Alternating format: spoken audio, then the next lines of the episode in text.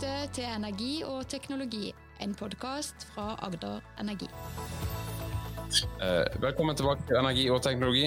Mitt navn er som vanlig Harald Wengen, og i denne episoden skal vi ta på oss eh, framtidsbrillene og kikke litt fram i tid, men ikke så veldig langt. Nærmere bestemt så skal vi se fra ti dager til ti år fremover i tid. Og Det er nemlig tidshorisonten for det nye forskningssenteret Climate Futures, der Agder Energi er en av over 30 eh, partnere. Til å diskutere temaet har vi fått med oss Erik Kolstad, som i tillegg til å lede Climate Futures er forskningsprofessor ved Forskningsinstituttet Norse i Bergen og Bjerknes senter for klimaforskning. Vi har òg med oss Tordes Torharinsdottir, som er sjefsforsker og forskningsleder for statistikk i klima og miljø ved Norsk regnesentral, og som er Head of Integration for Climate Futures-prosjektet. Velkommen til begge to. Tusen takk. Takk for det. Takk for at dere ville være med.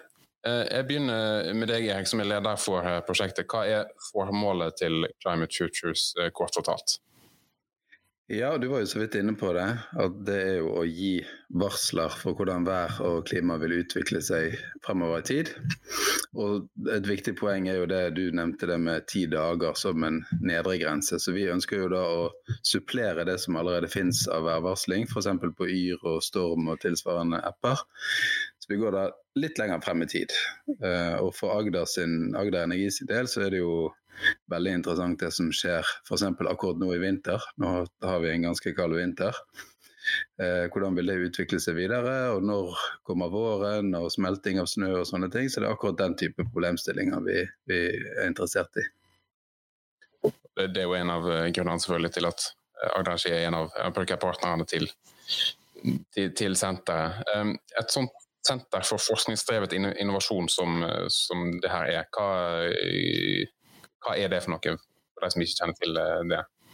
Ja, Det skiller seg litt fra vanlige forskningsprosjekter, sånn sett fra vår side. da, At vi får midler til å drive med forskning over tid. Eh, og gjør det på en måte litt sånn, kanskje ikke helt i isolasjon, men ikke med så veldig tett eh, integrering med, med, samfunnet rundt oss. Så Der skiller jo denne ordningen seg som Climate Futures ligger under seg radikalt, ved at det er veldig tett samarbeid mellom oss forskere og de som vi da eh, har som forretningspartnere, og også det offentlige. Så det er veldig anvendt, kan du si. Mm. Uh, Tordes, du skal si litt sånn overordna om, om, din og, og Norsk Regnsentral sin, sin rolle i, i prosjektet. Ja, takk. Uh, ja, altså som, uh, jeg heter jo Head of Integration i uh, prosjektet, eller i senteret. Og der jo det viktigste er jo at det som kommer ut av forskningen fra, fra klimasiden, at det faktisk tas i bruk hos partnerne. Og det tas inn i de forskjellige virksomhetene. For at, og så må det jo kobles sammen med de dataene som de forskjellige virksomhetene setter på rundt deres operasjon. Så det er derfor vi skal integrere ting. Men, og det er jo, som statistiker så er vi jo vant til å jobbe med alle disse forskjellige typer dataene. Så det er der vi kommer inn som sånn et bindeledd. Mm. Og du sier data som åpenbart er en, litt, av, litt, av, poenget her, men det nye med, med det eh, en skal finne ut i, i Climate Futures, eh, hva, hva er det? Det er jo, vi vet jo veldig mye om værvarsling de neste, neste, dagene. Og så vet vi jo veldig mye om Eller det finnes mye informasjon om klimaendringer som man forventer veldig lang tid fram i tid. Men faktisk å varsle klima de neste månedene og årene, da finnes det ikke så mye informasjon på i dag. Så det er jo veldig viktig å forske mer på det. Og så ikke at det bare sitter som forskning, men at det tas bruk. Jeg kan jo kanskje gi et eksempel da, som eh, jeg vet er viktig for eh, både Agder Energi og egentlig Sørland og, eller Sør-Norge i det hele tatt. Det er jo det året 2018 som var et veldig, vi hadde en veldig varm sommer. Og så det, ble det avløst av en veldig våt høst, særlig på Vestlandet. Så det er begge deler ting som er viktig for, for kraftindustrien og samfunnet for øvrig. Hvis vi kunne visst på forhånd at det var stor sannsynlighet for at det kom til å bli en tørke der om sommeren 2018, så kunne vi kanskje gjort noen tiltak. Uh, hvis vi, særlig hvis vi hadde visst det. Selvfølgelig jo lenger frem i tid, eller jo lenger bak i tid vi hadde visst det, jo mer kunne man gjort. Man kunne jo tenke seg at man kunne gjort tiltak som uh, f.eks. gjorde at strømprisene holdt seg litt mer stabil. Uh, landbruket kunne gjort en del tiltak for å forberede seg på tørke. Og særlig da eh, innenfor flomsikring utpå høsten der. Hvis man hadde visst at det var stor sannsynlighet for flom, så kunne man kanskje gjort noe ved å tappe ned reservoarer og sånne ting. Som ble gjort, eh, bl.a. av Agder Energi, men det kunne kanskje vært gjort i enda større grad hvis vi hadde visst mer. Og det, det å få vite mer eh, det, hvordan, eh, Hva slags nye metoder eller modeller er det en skal bruke for å for å få til det, eh, for, for å få den kunnskapen? Altså, det finnes allerede modeller, altså type varslingsmodeller, som i stor grad er lik de som brukes til å lage vanlig værvarsling. Men en viktig forskjell er at eh, et værvarsel, da sier man gjerne at når det blir sånn og sånn, altså f.eks. på tirsdag klokken ett så forventer vi at det skal regne så og så mye. Den type nøyaktighetsnivå er det vi, vi finner på Yr og Storm og i disse andre appene. Men hvis du går litt lenger frem i tid, for, altså mer enn ti dager, sånn som vi fokuserer på, så vet vi det at det er helt umulig. Eh, men det vi gjør da, det er at istedenfor at vi har ett varsel, så lager vi hundrevis av eh, varsler. Som hver og en er forskjellig, og, men hver og en eh, av de varslene er like sannsynlig. Og Det er et viktig prinsipp. Så Da kan vi bruke statistiske metoder, sånn som i Tordis sin gruppe, til å plukke ut informasjon fra alle de scenarioene og prøve å finne de mest sannsynlige scenarioene. Det er også litt det her med at uh, vi, altså, det som skjer i atmosfæren og havet, det foregår jo på forskjellige skalaer. Noen ting endrer seg veldig raskt, andre ting endrer seg veldig sakte. Så det er jo det å finne disse tingene som endrer seg sakte, og bruke Da er det enklere å forutse hvordan de vil endre seg langt frem i tid. Og så bruke de tingene til kanskje å si noe om sammenhenger mellom de og andre ting som endrer seg sakte, som f.eks. hvor mye det regner. Si, eh, hopper litt tilbake til eh, Du har vært inne på kraftbransjen som en, eh, som en deltaker. og, og uh, Norsk Regnsentral og Norse er forskningssida. Hvem er det som, som deltar i et sånt uh, senter og prosjekt uh, uh, som, ja, på de ulike sidene? Ja, altså Blant forskningspartnere så har vi jo også Handelshøyskolen, som kommer inn med kunnskap rundt det med risikohåndtering.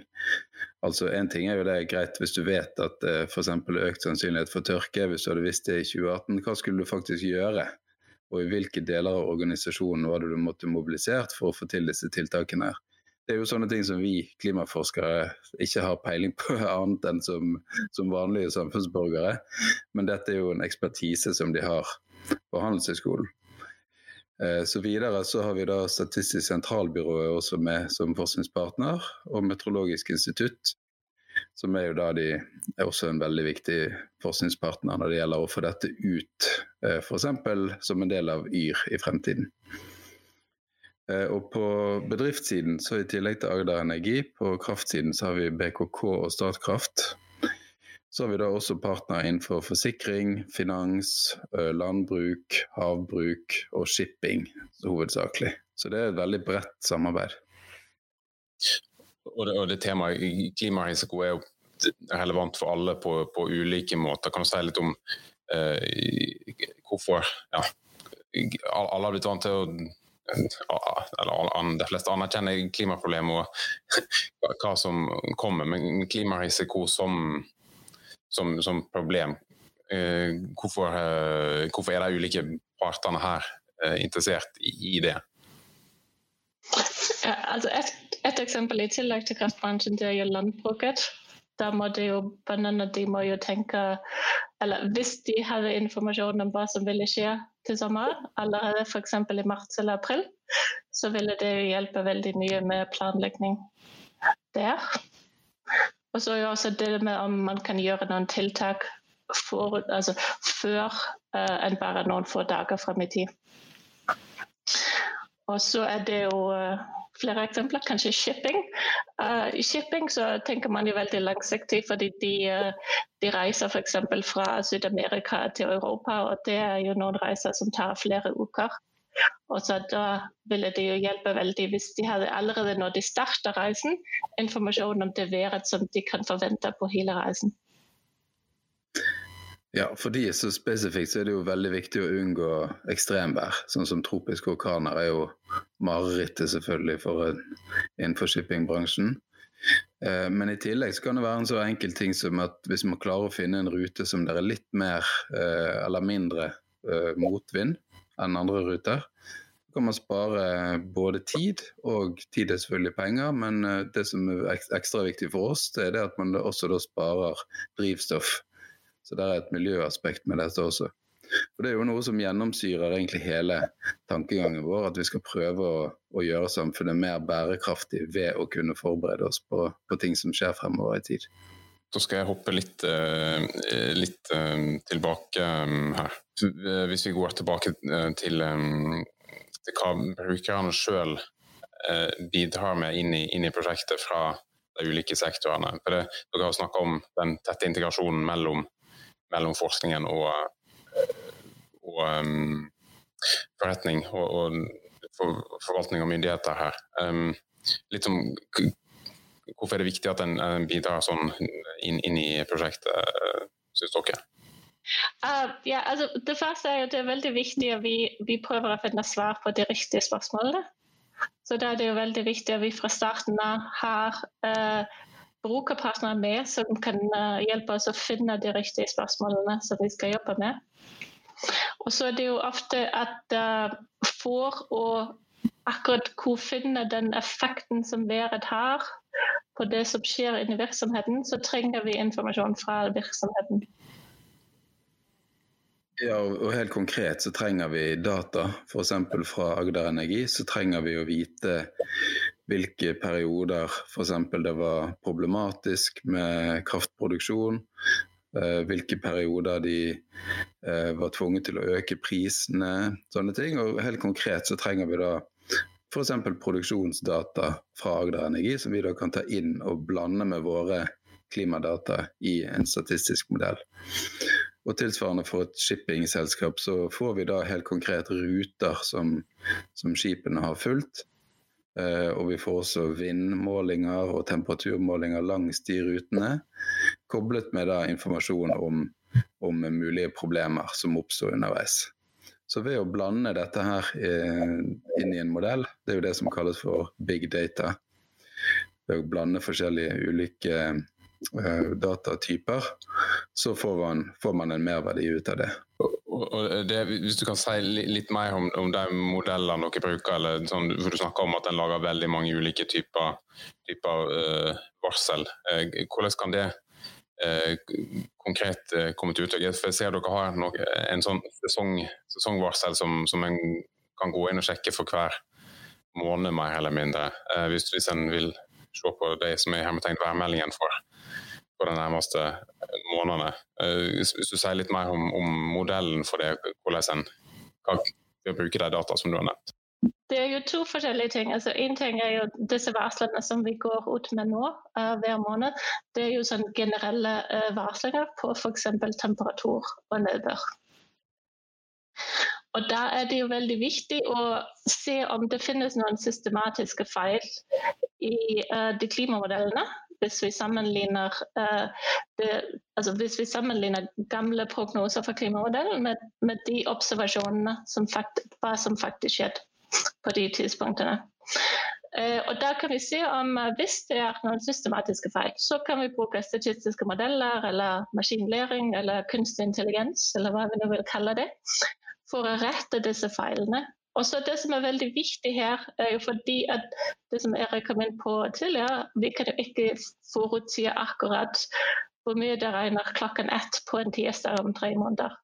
Så det må være noen usikkerhet her, og prognosene våre må si noe om sannsynligheter. Og Da er det jo veldig viktig at hvis vi har en prognose på en sannsynlighet, så skjer det med samme sannsynlighet i dataene når vi, ser, når vi får observasjoner. Fordi ellers kan uh, disse prognosene ikke brukes inn i beslutningstaking på en uh, riktig måte for å estimere risiko. Så det som uh, kommer der fra statistikken, er det her med usikkerhetsanslag. Så, men så er det jo ofte at en partner kan jo ha et spørsmål og trenger en informasjon hvor vi f.eks. blander sammen varsling av forskjellige typer variabler kanskje noe med både temperatur og nedbør og vind. Og da kan det jo være at uh, man da må blande disse forskjellige tingene sammen for å svare på et veldig konkret spørsmål.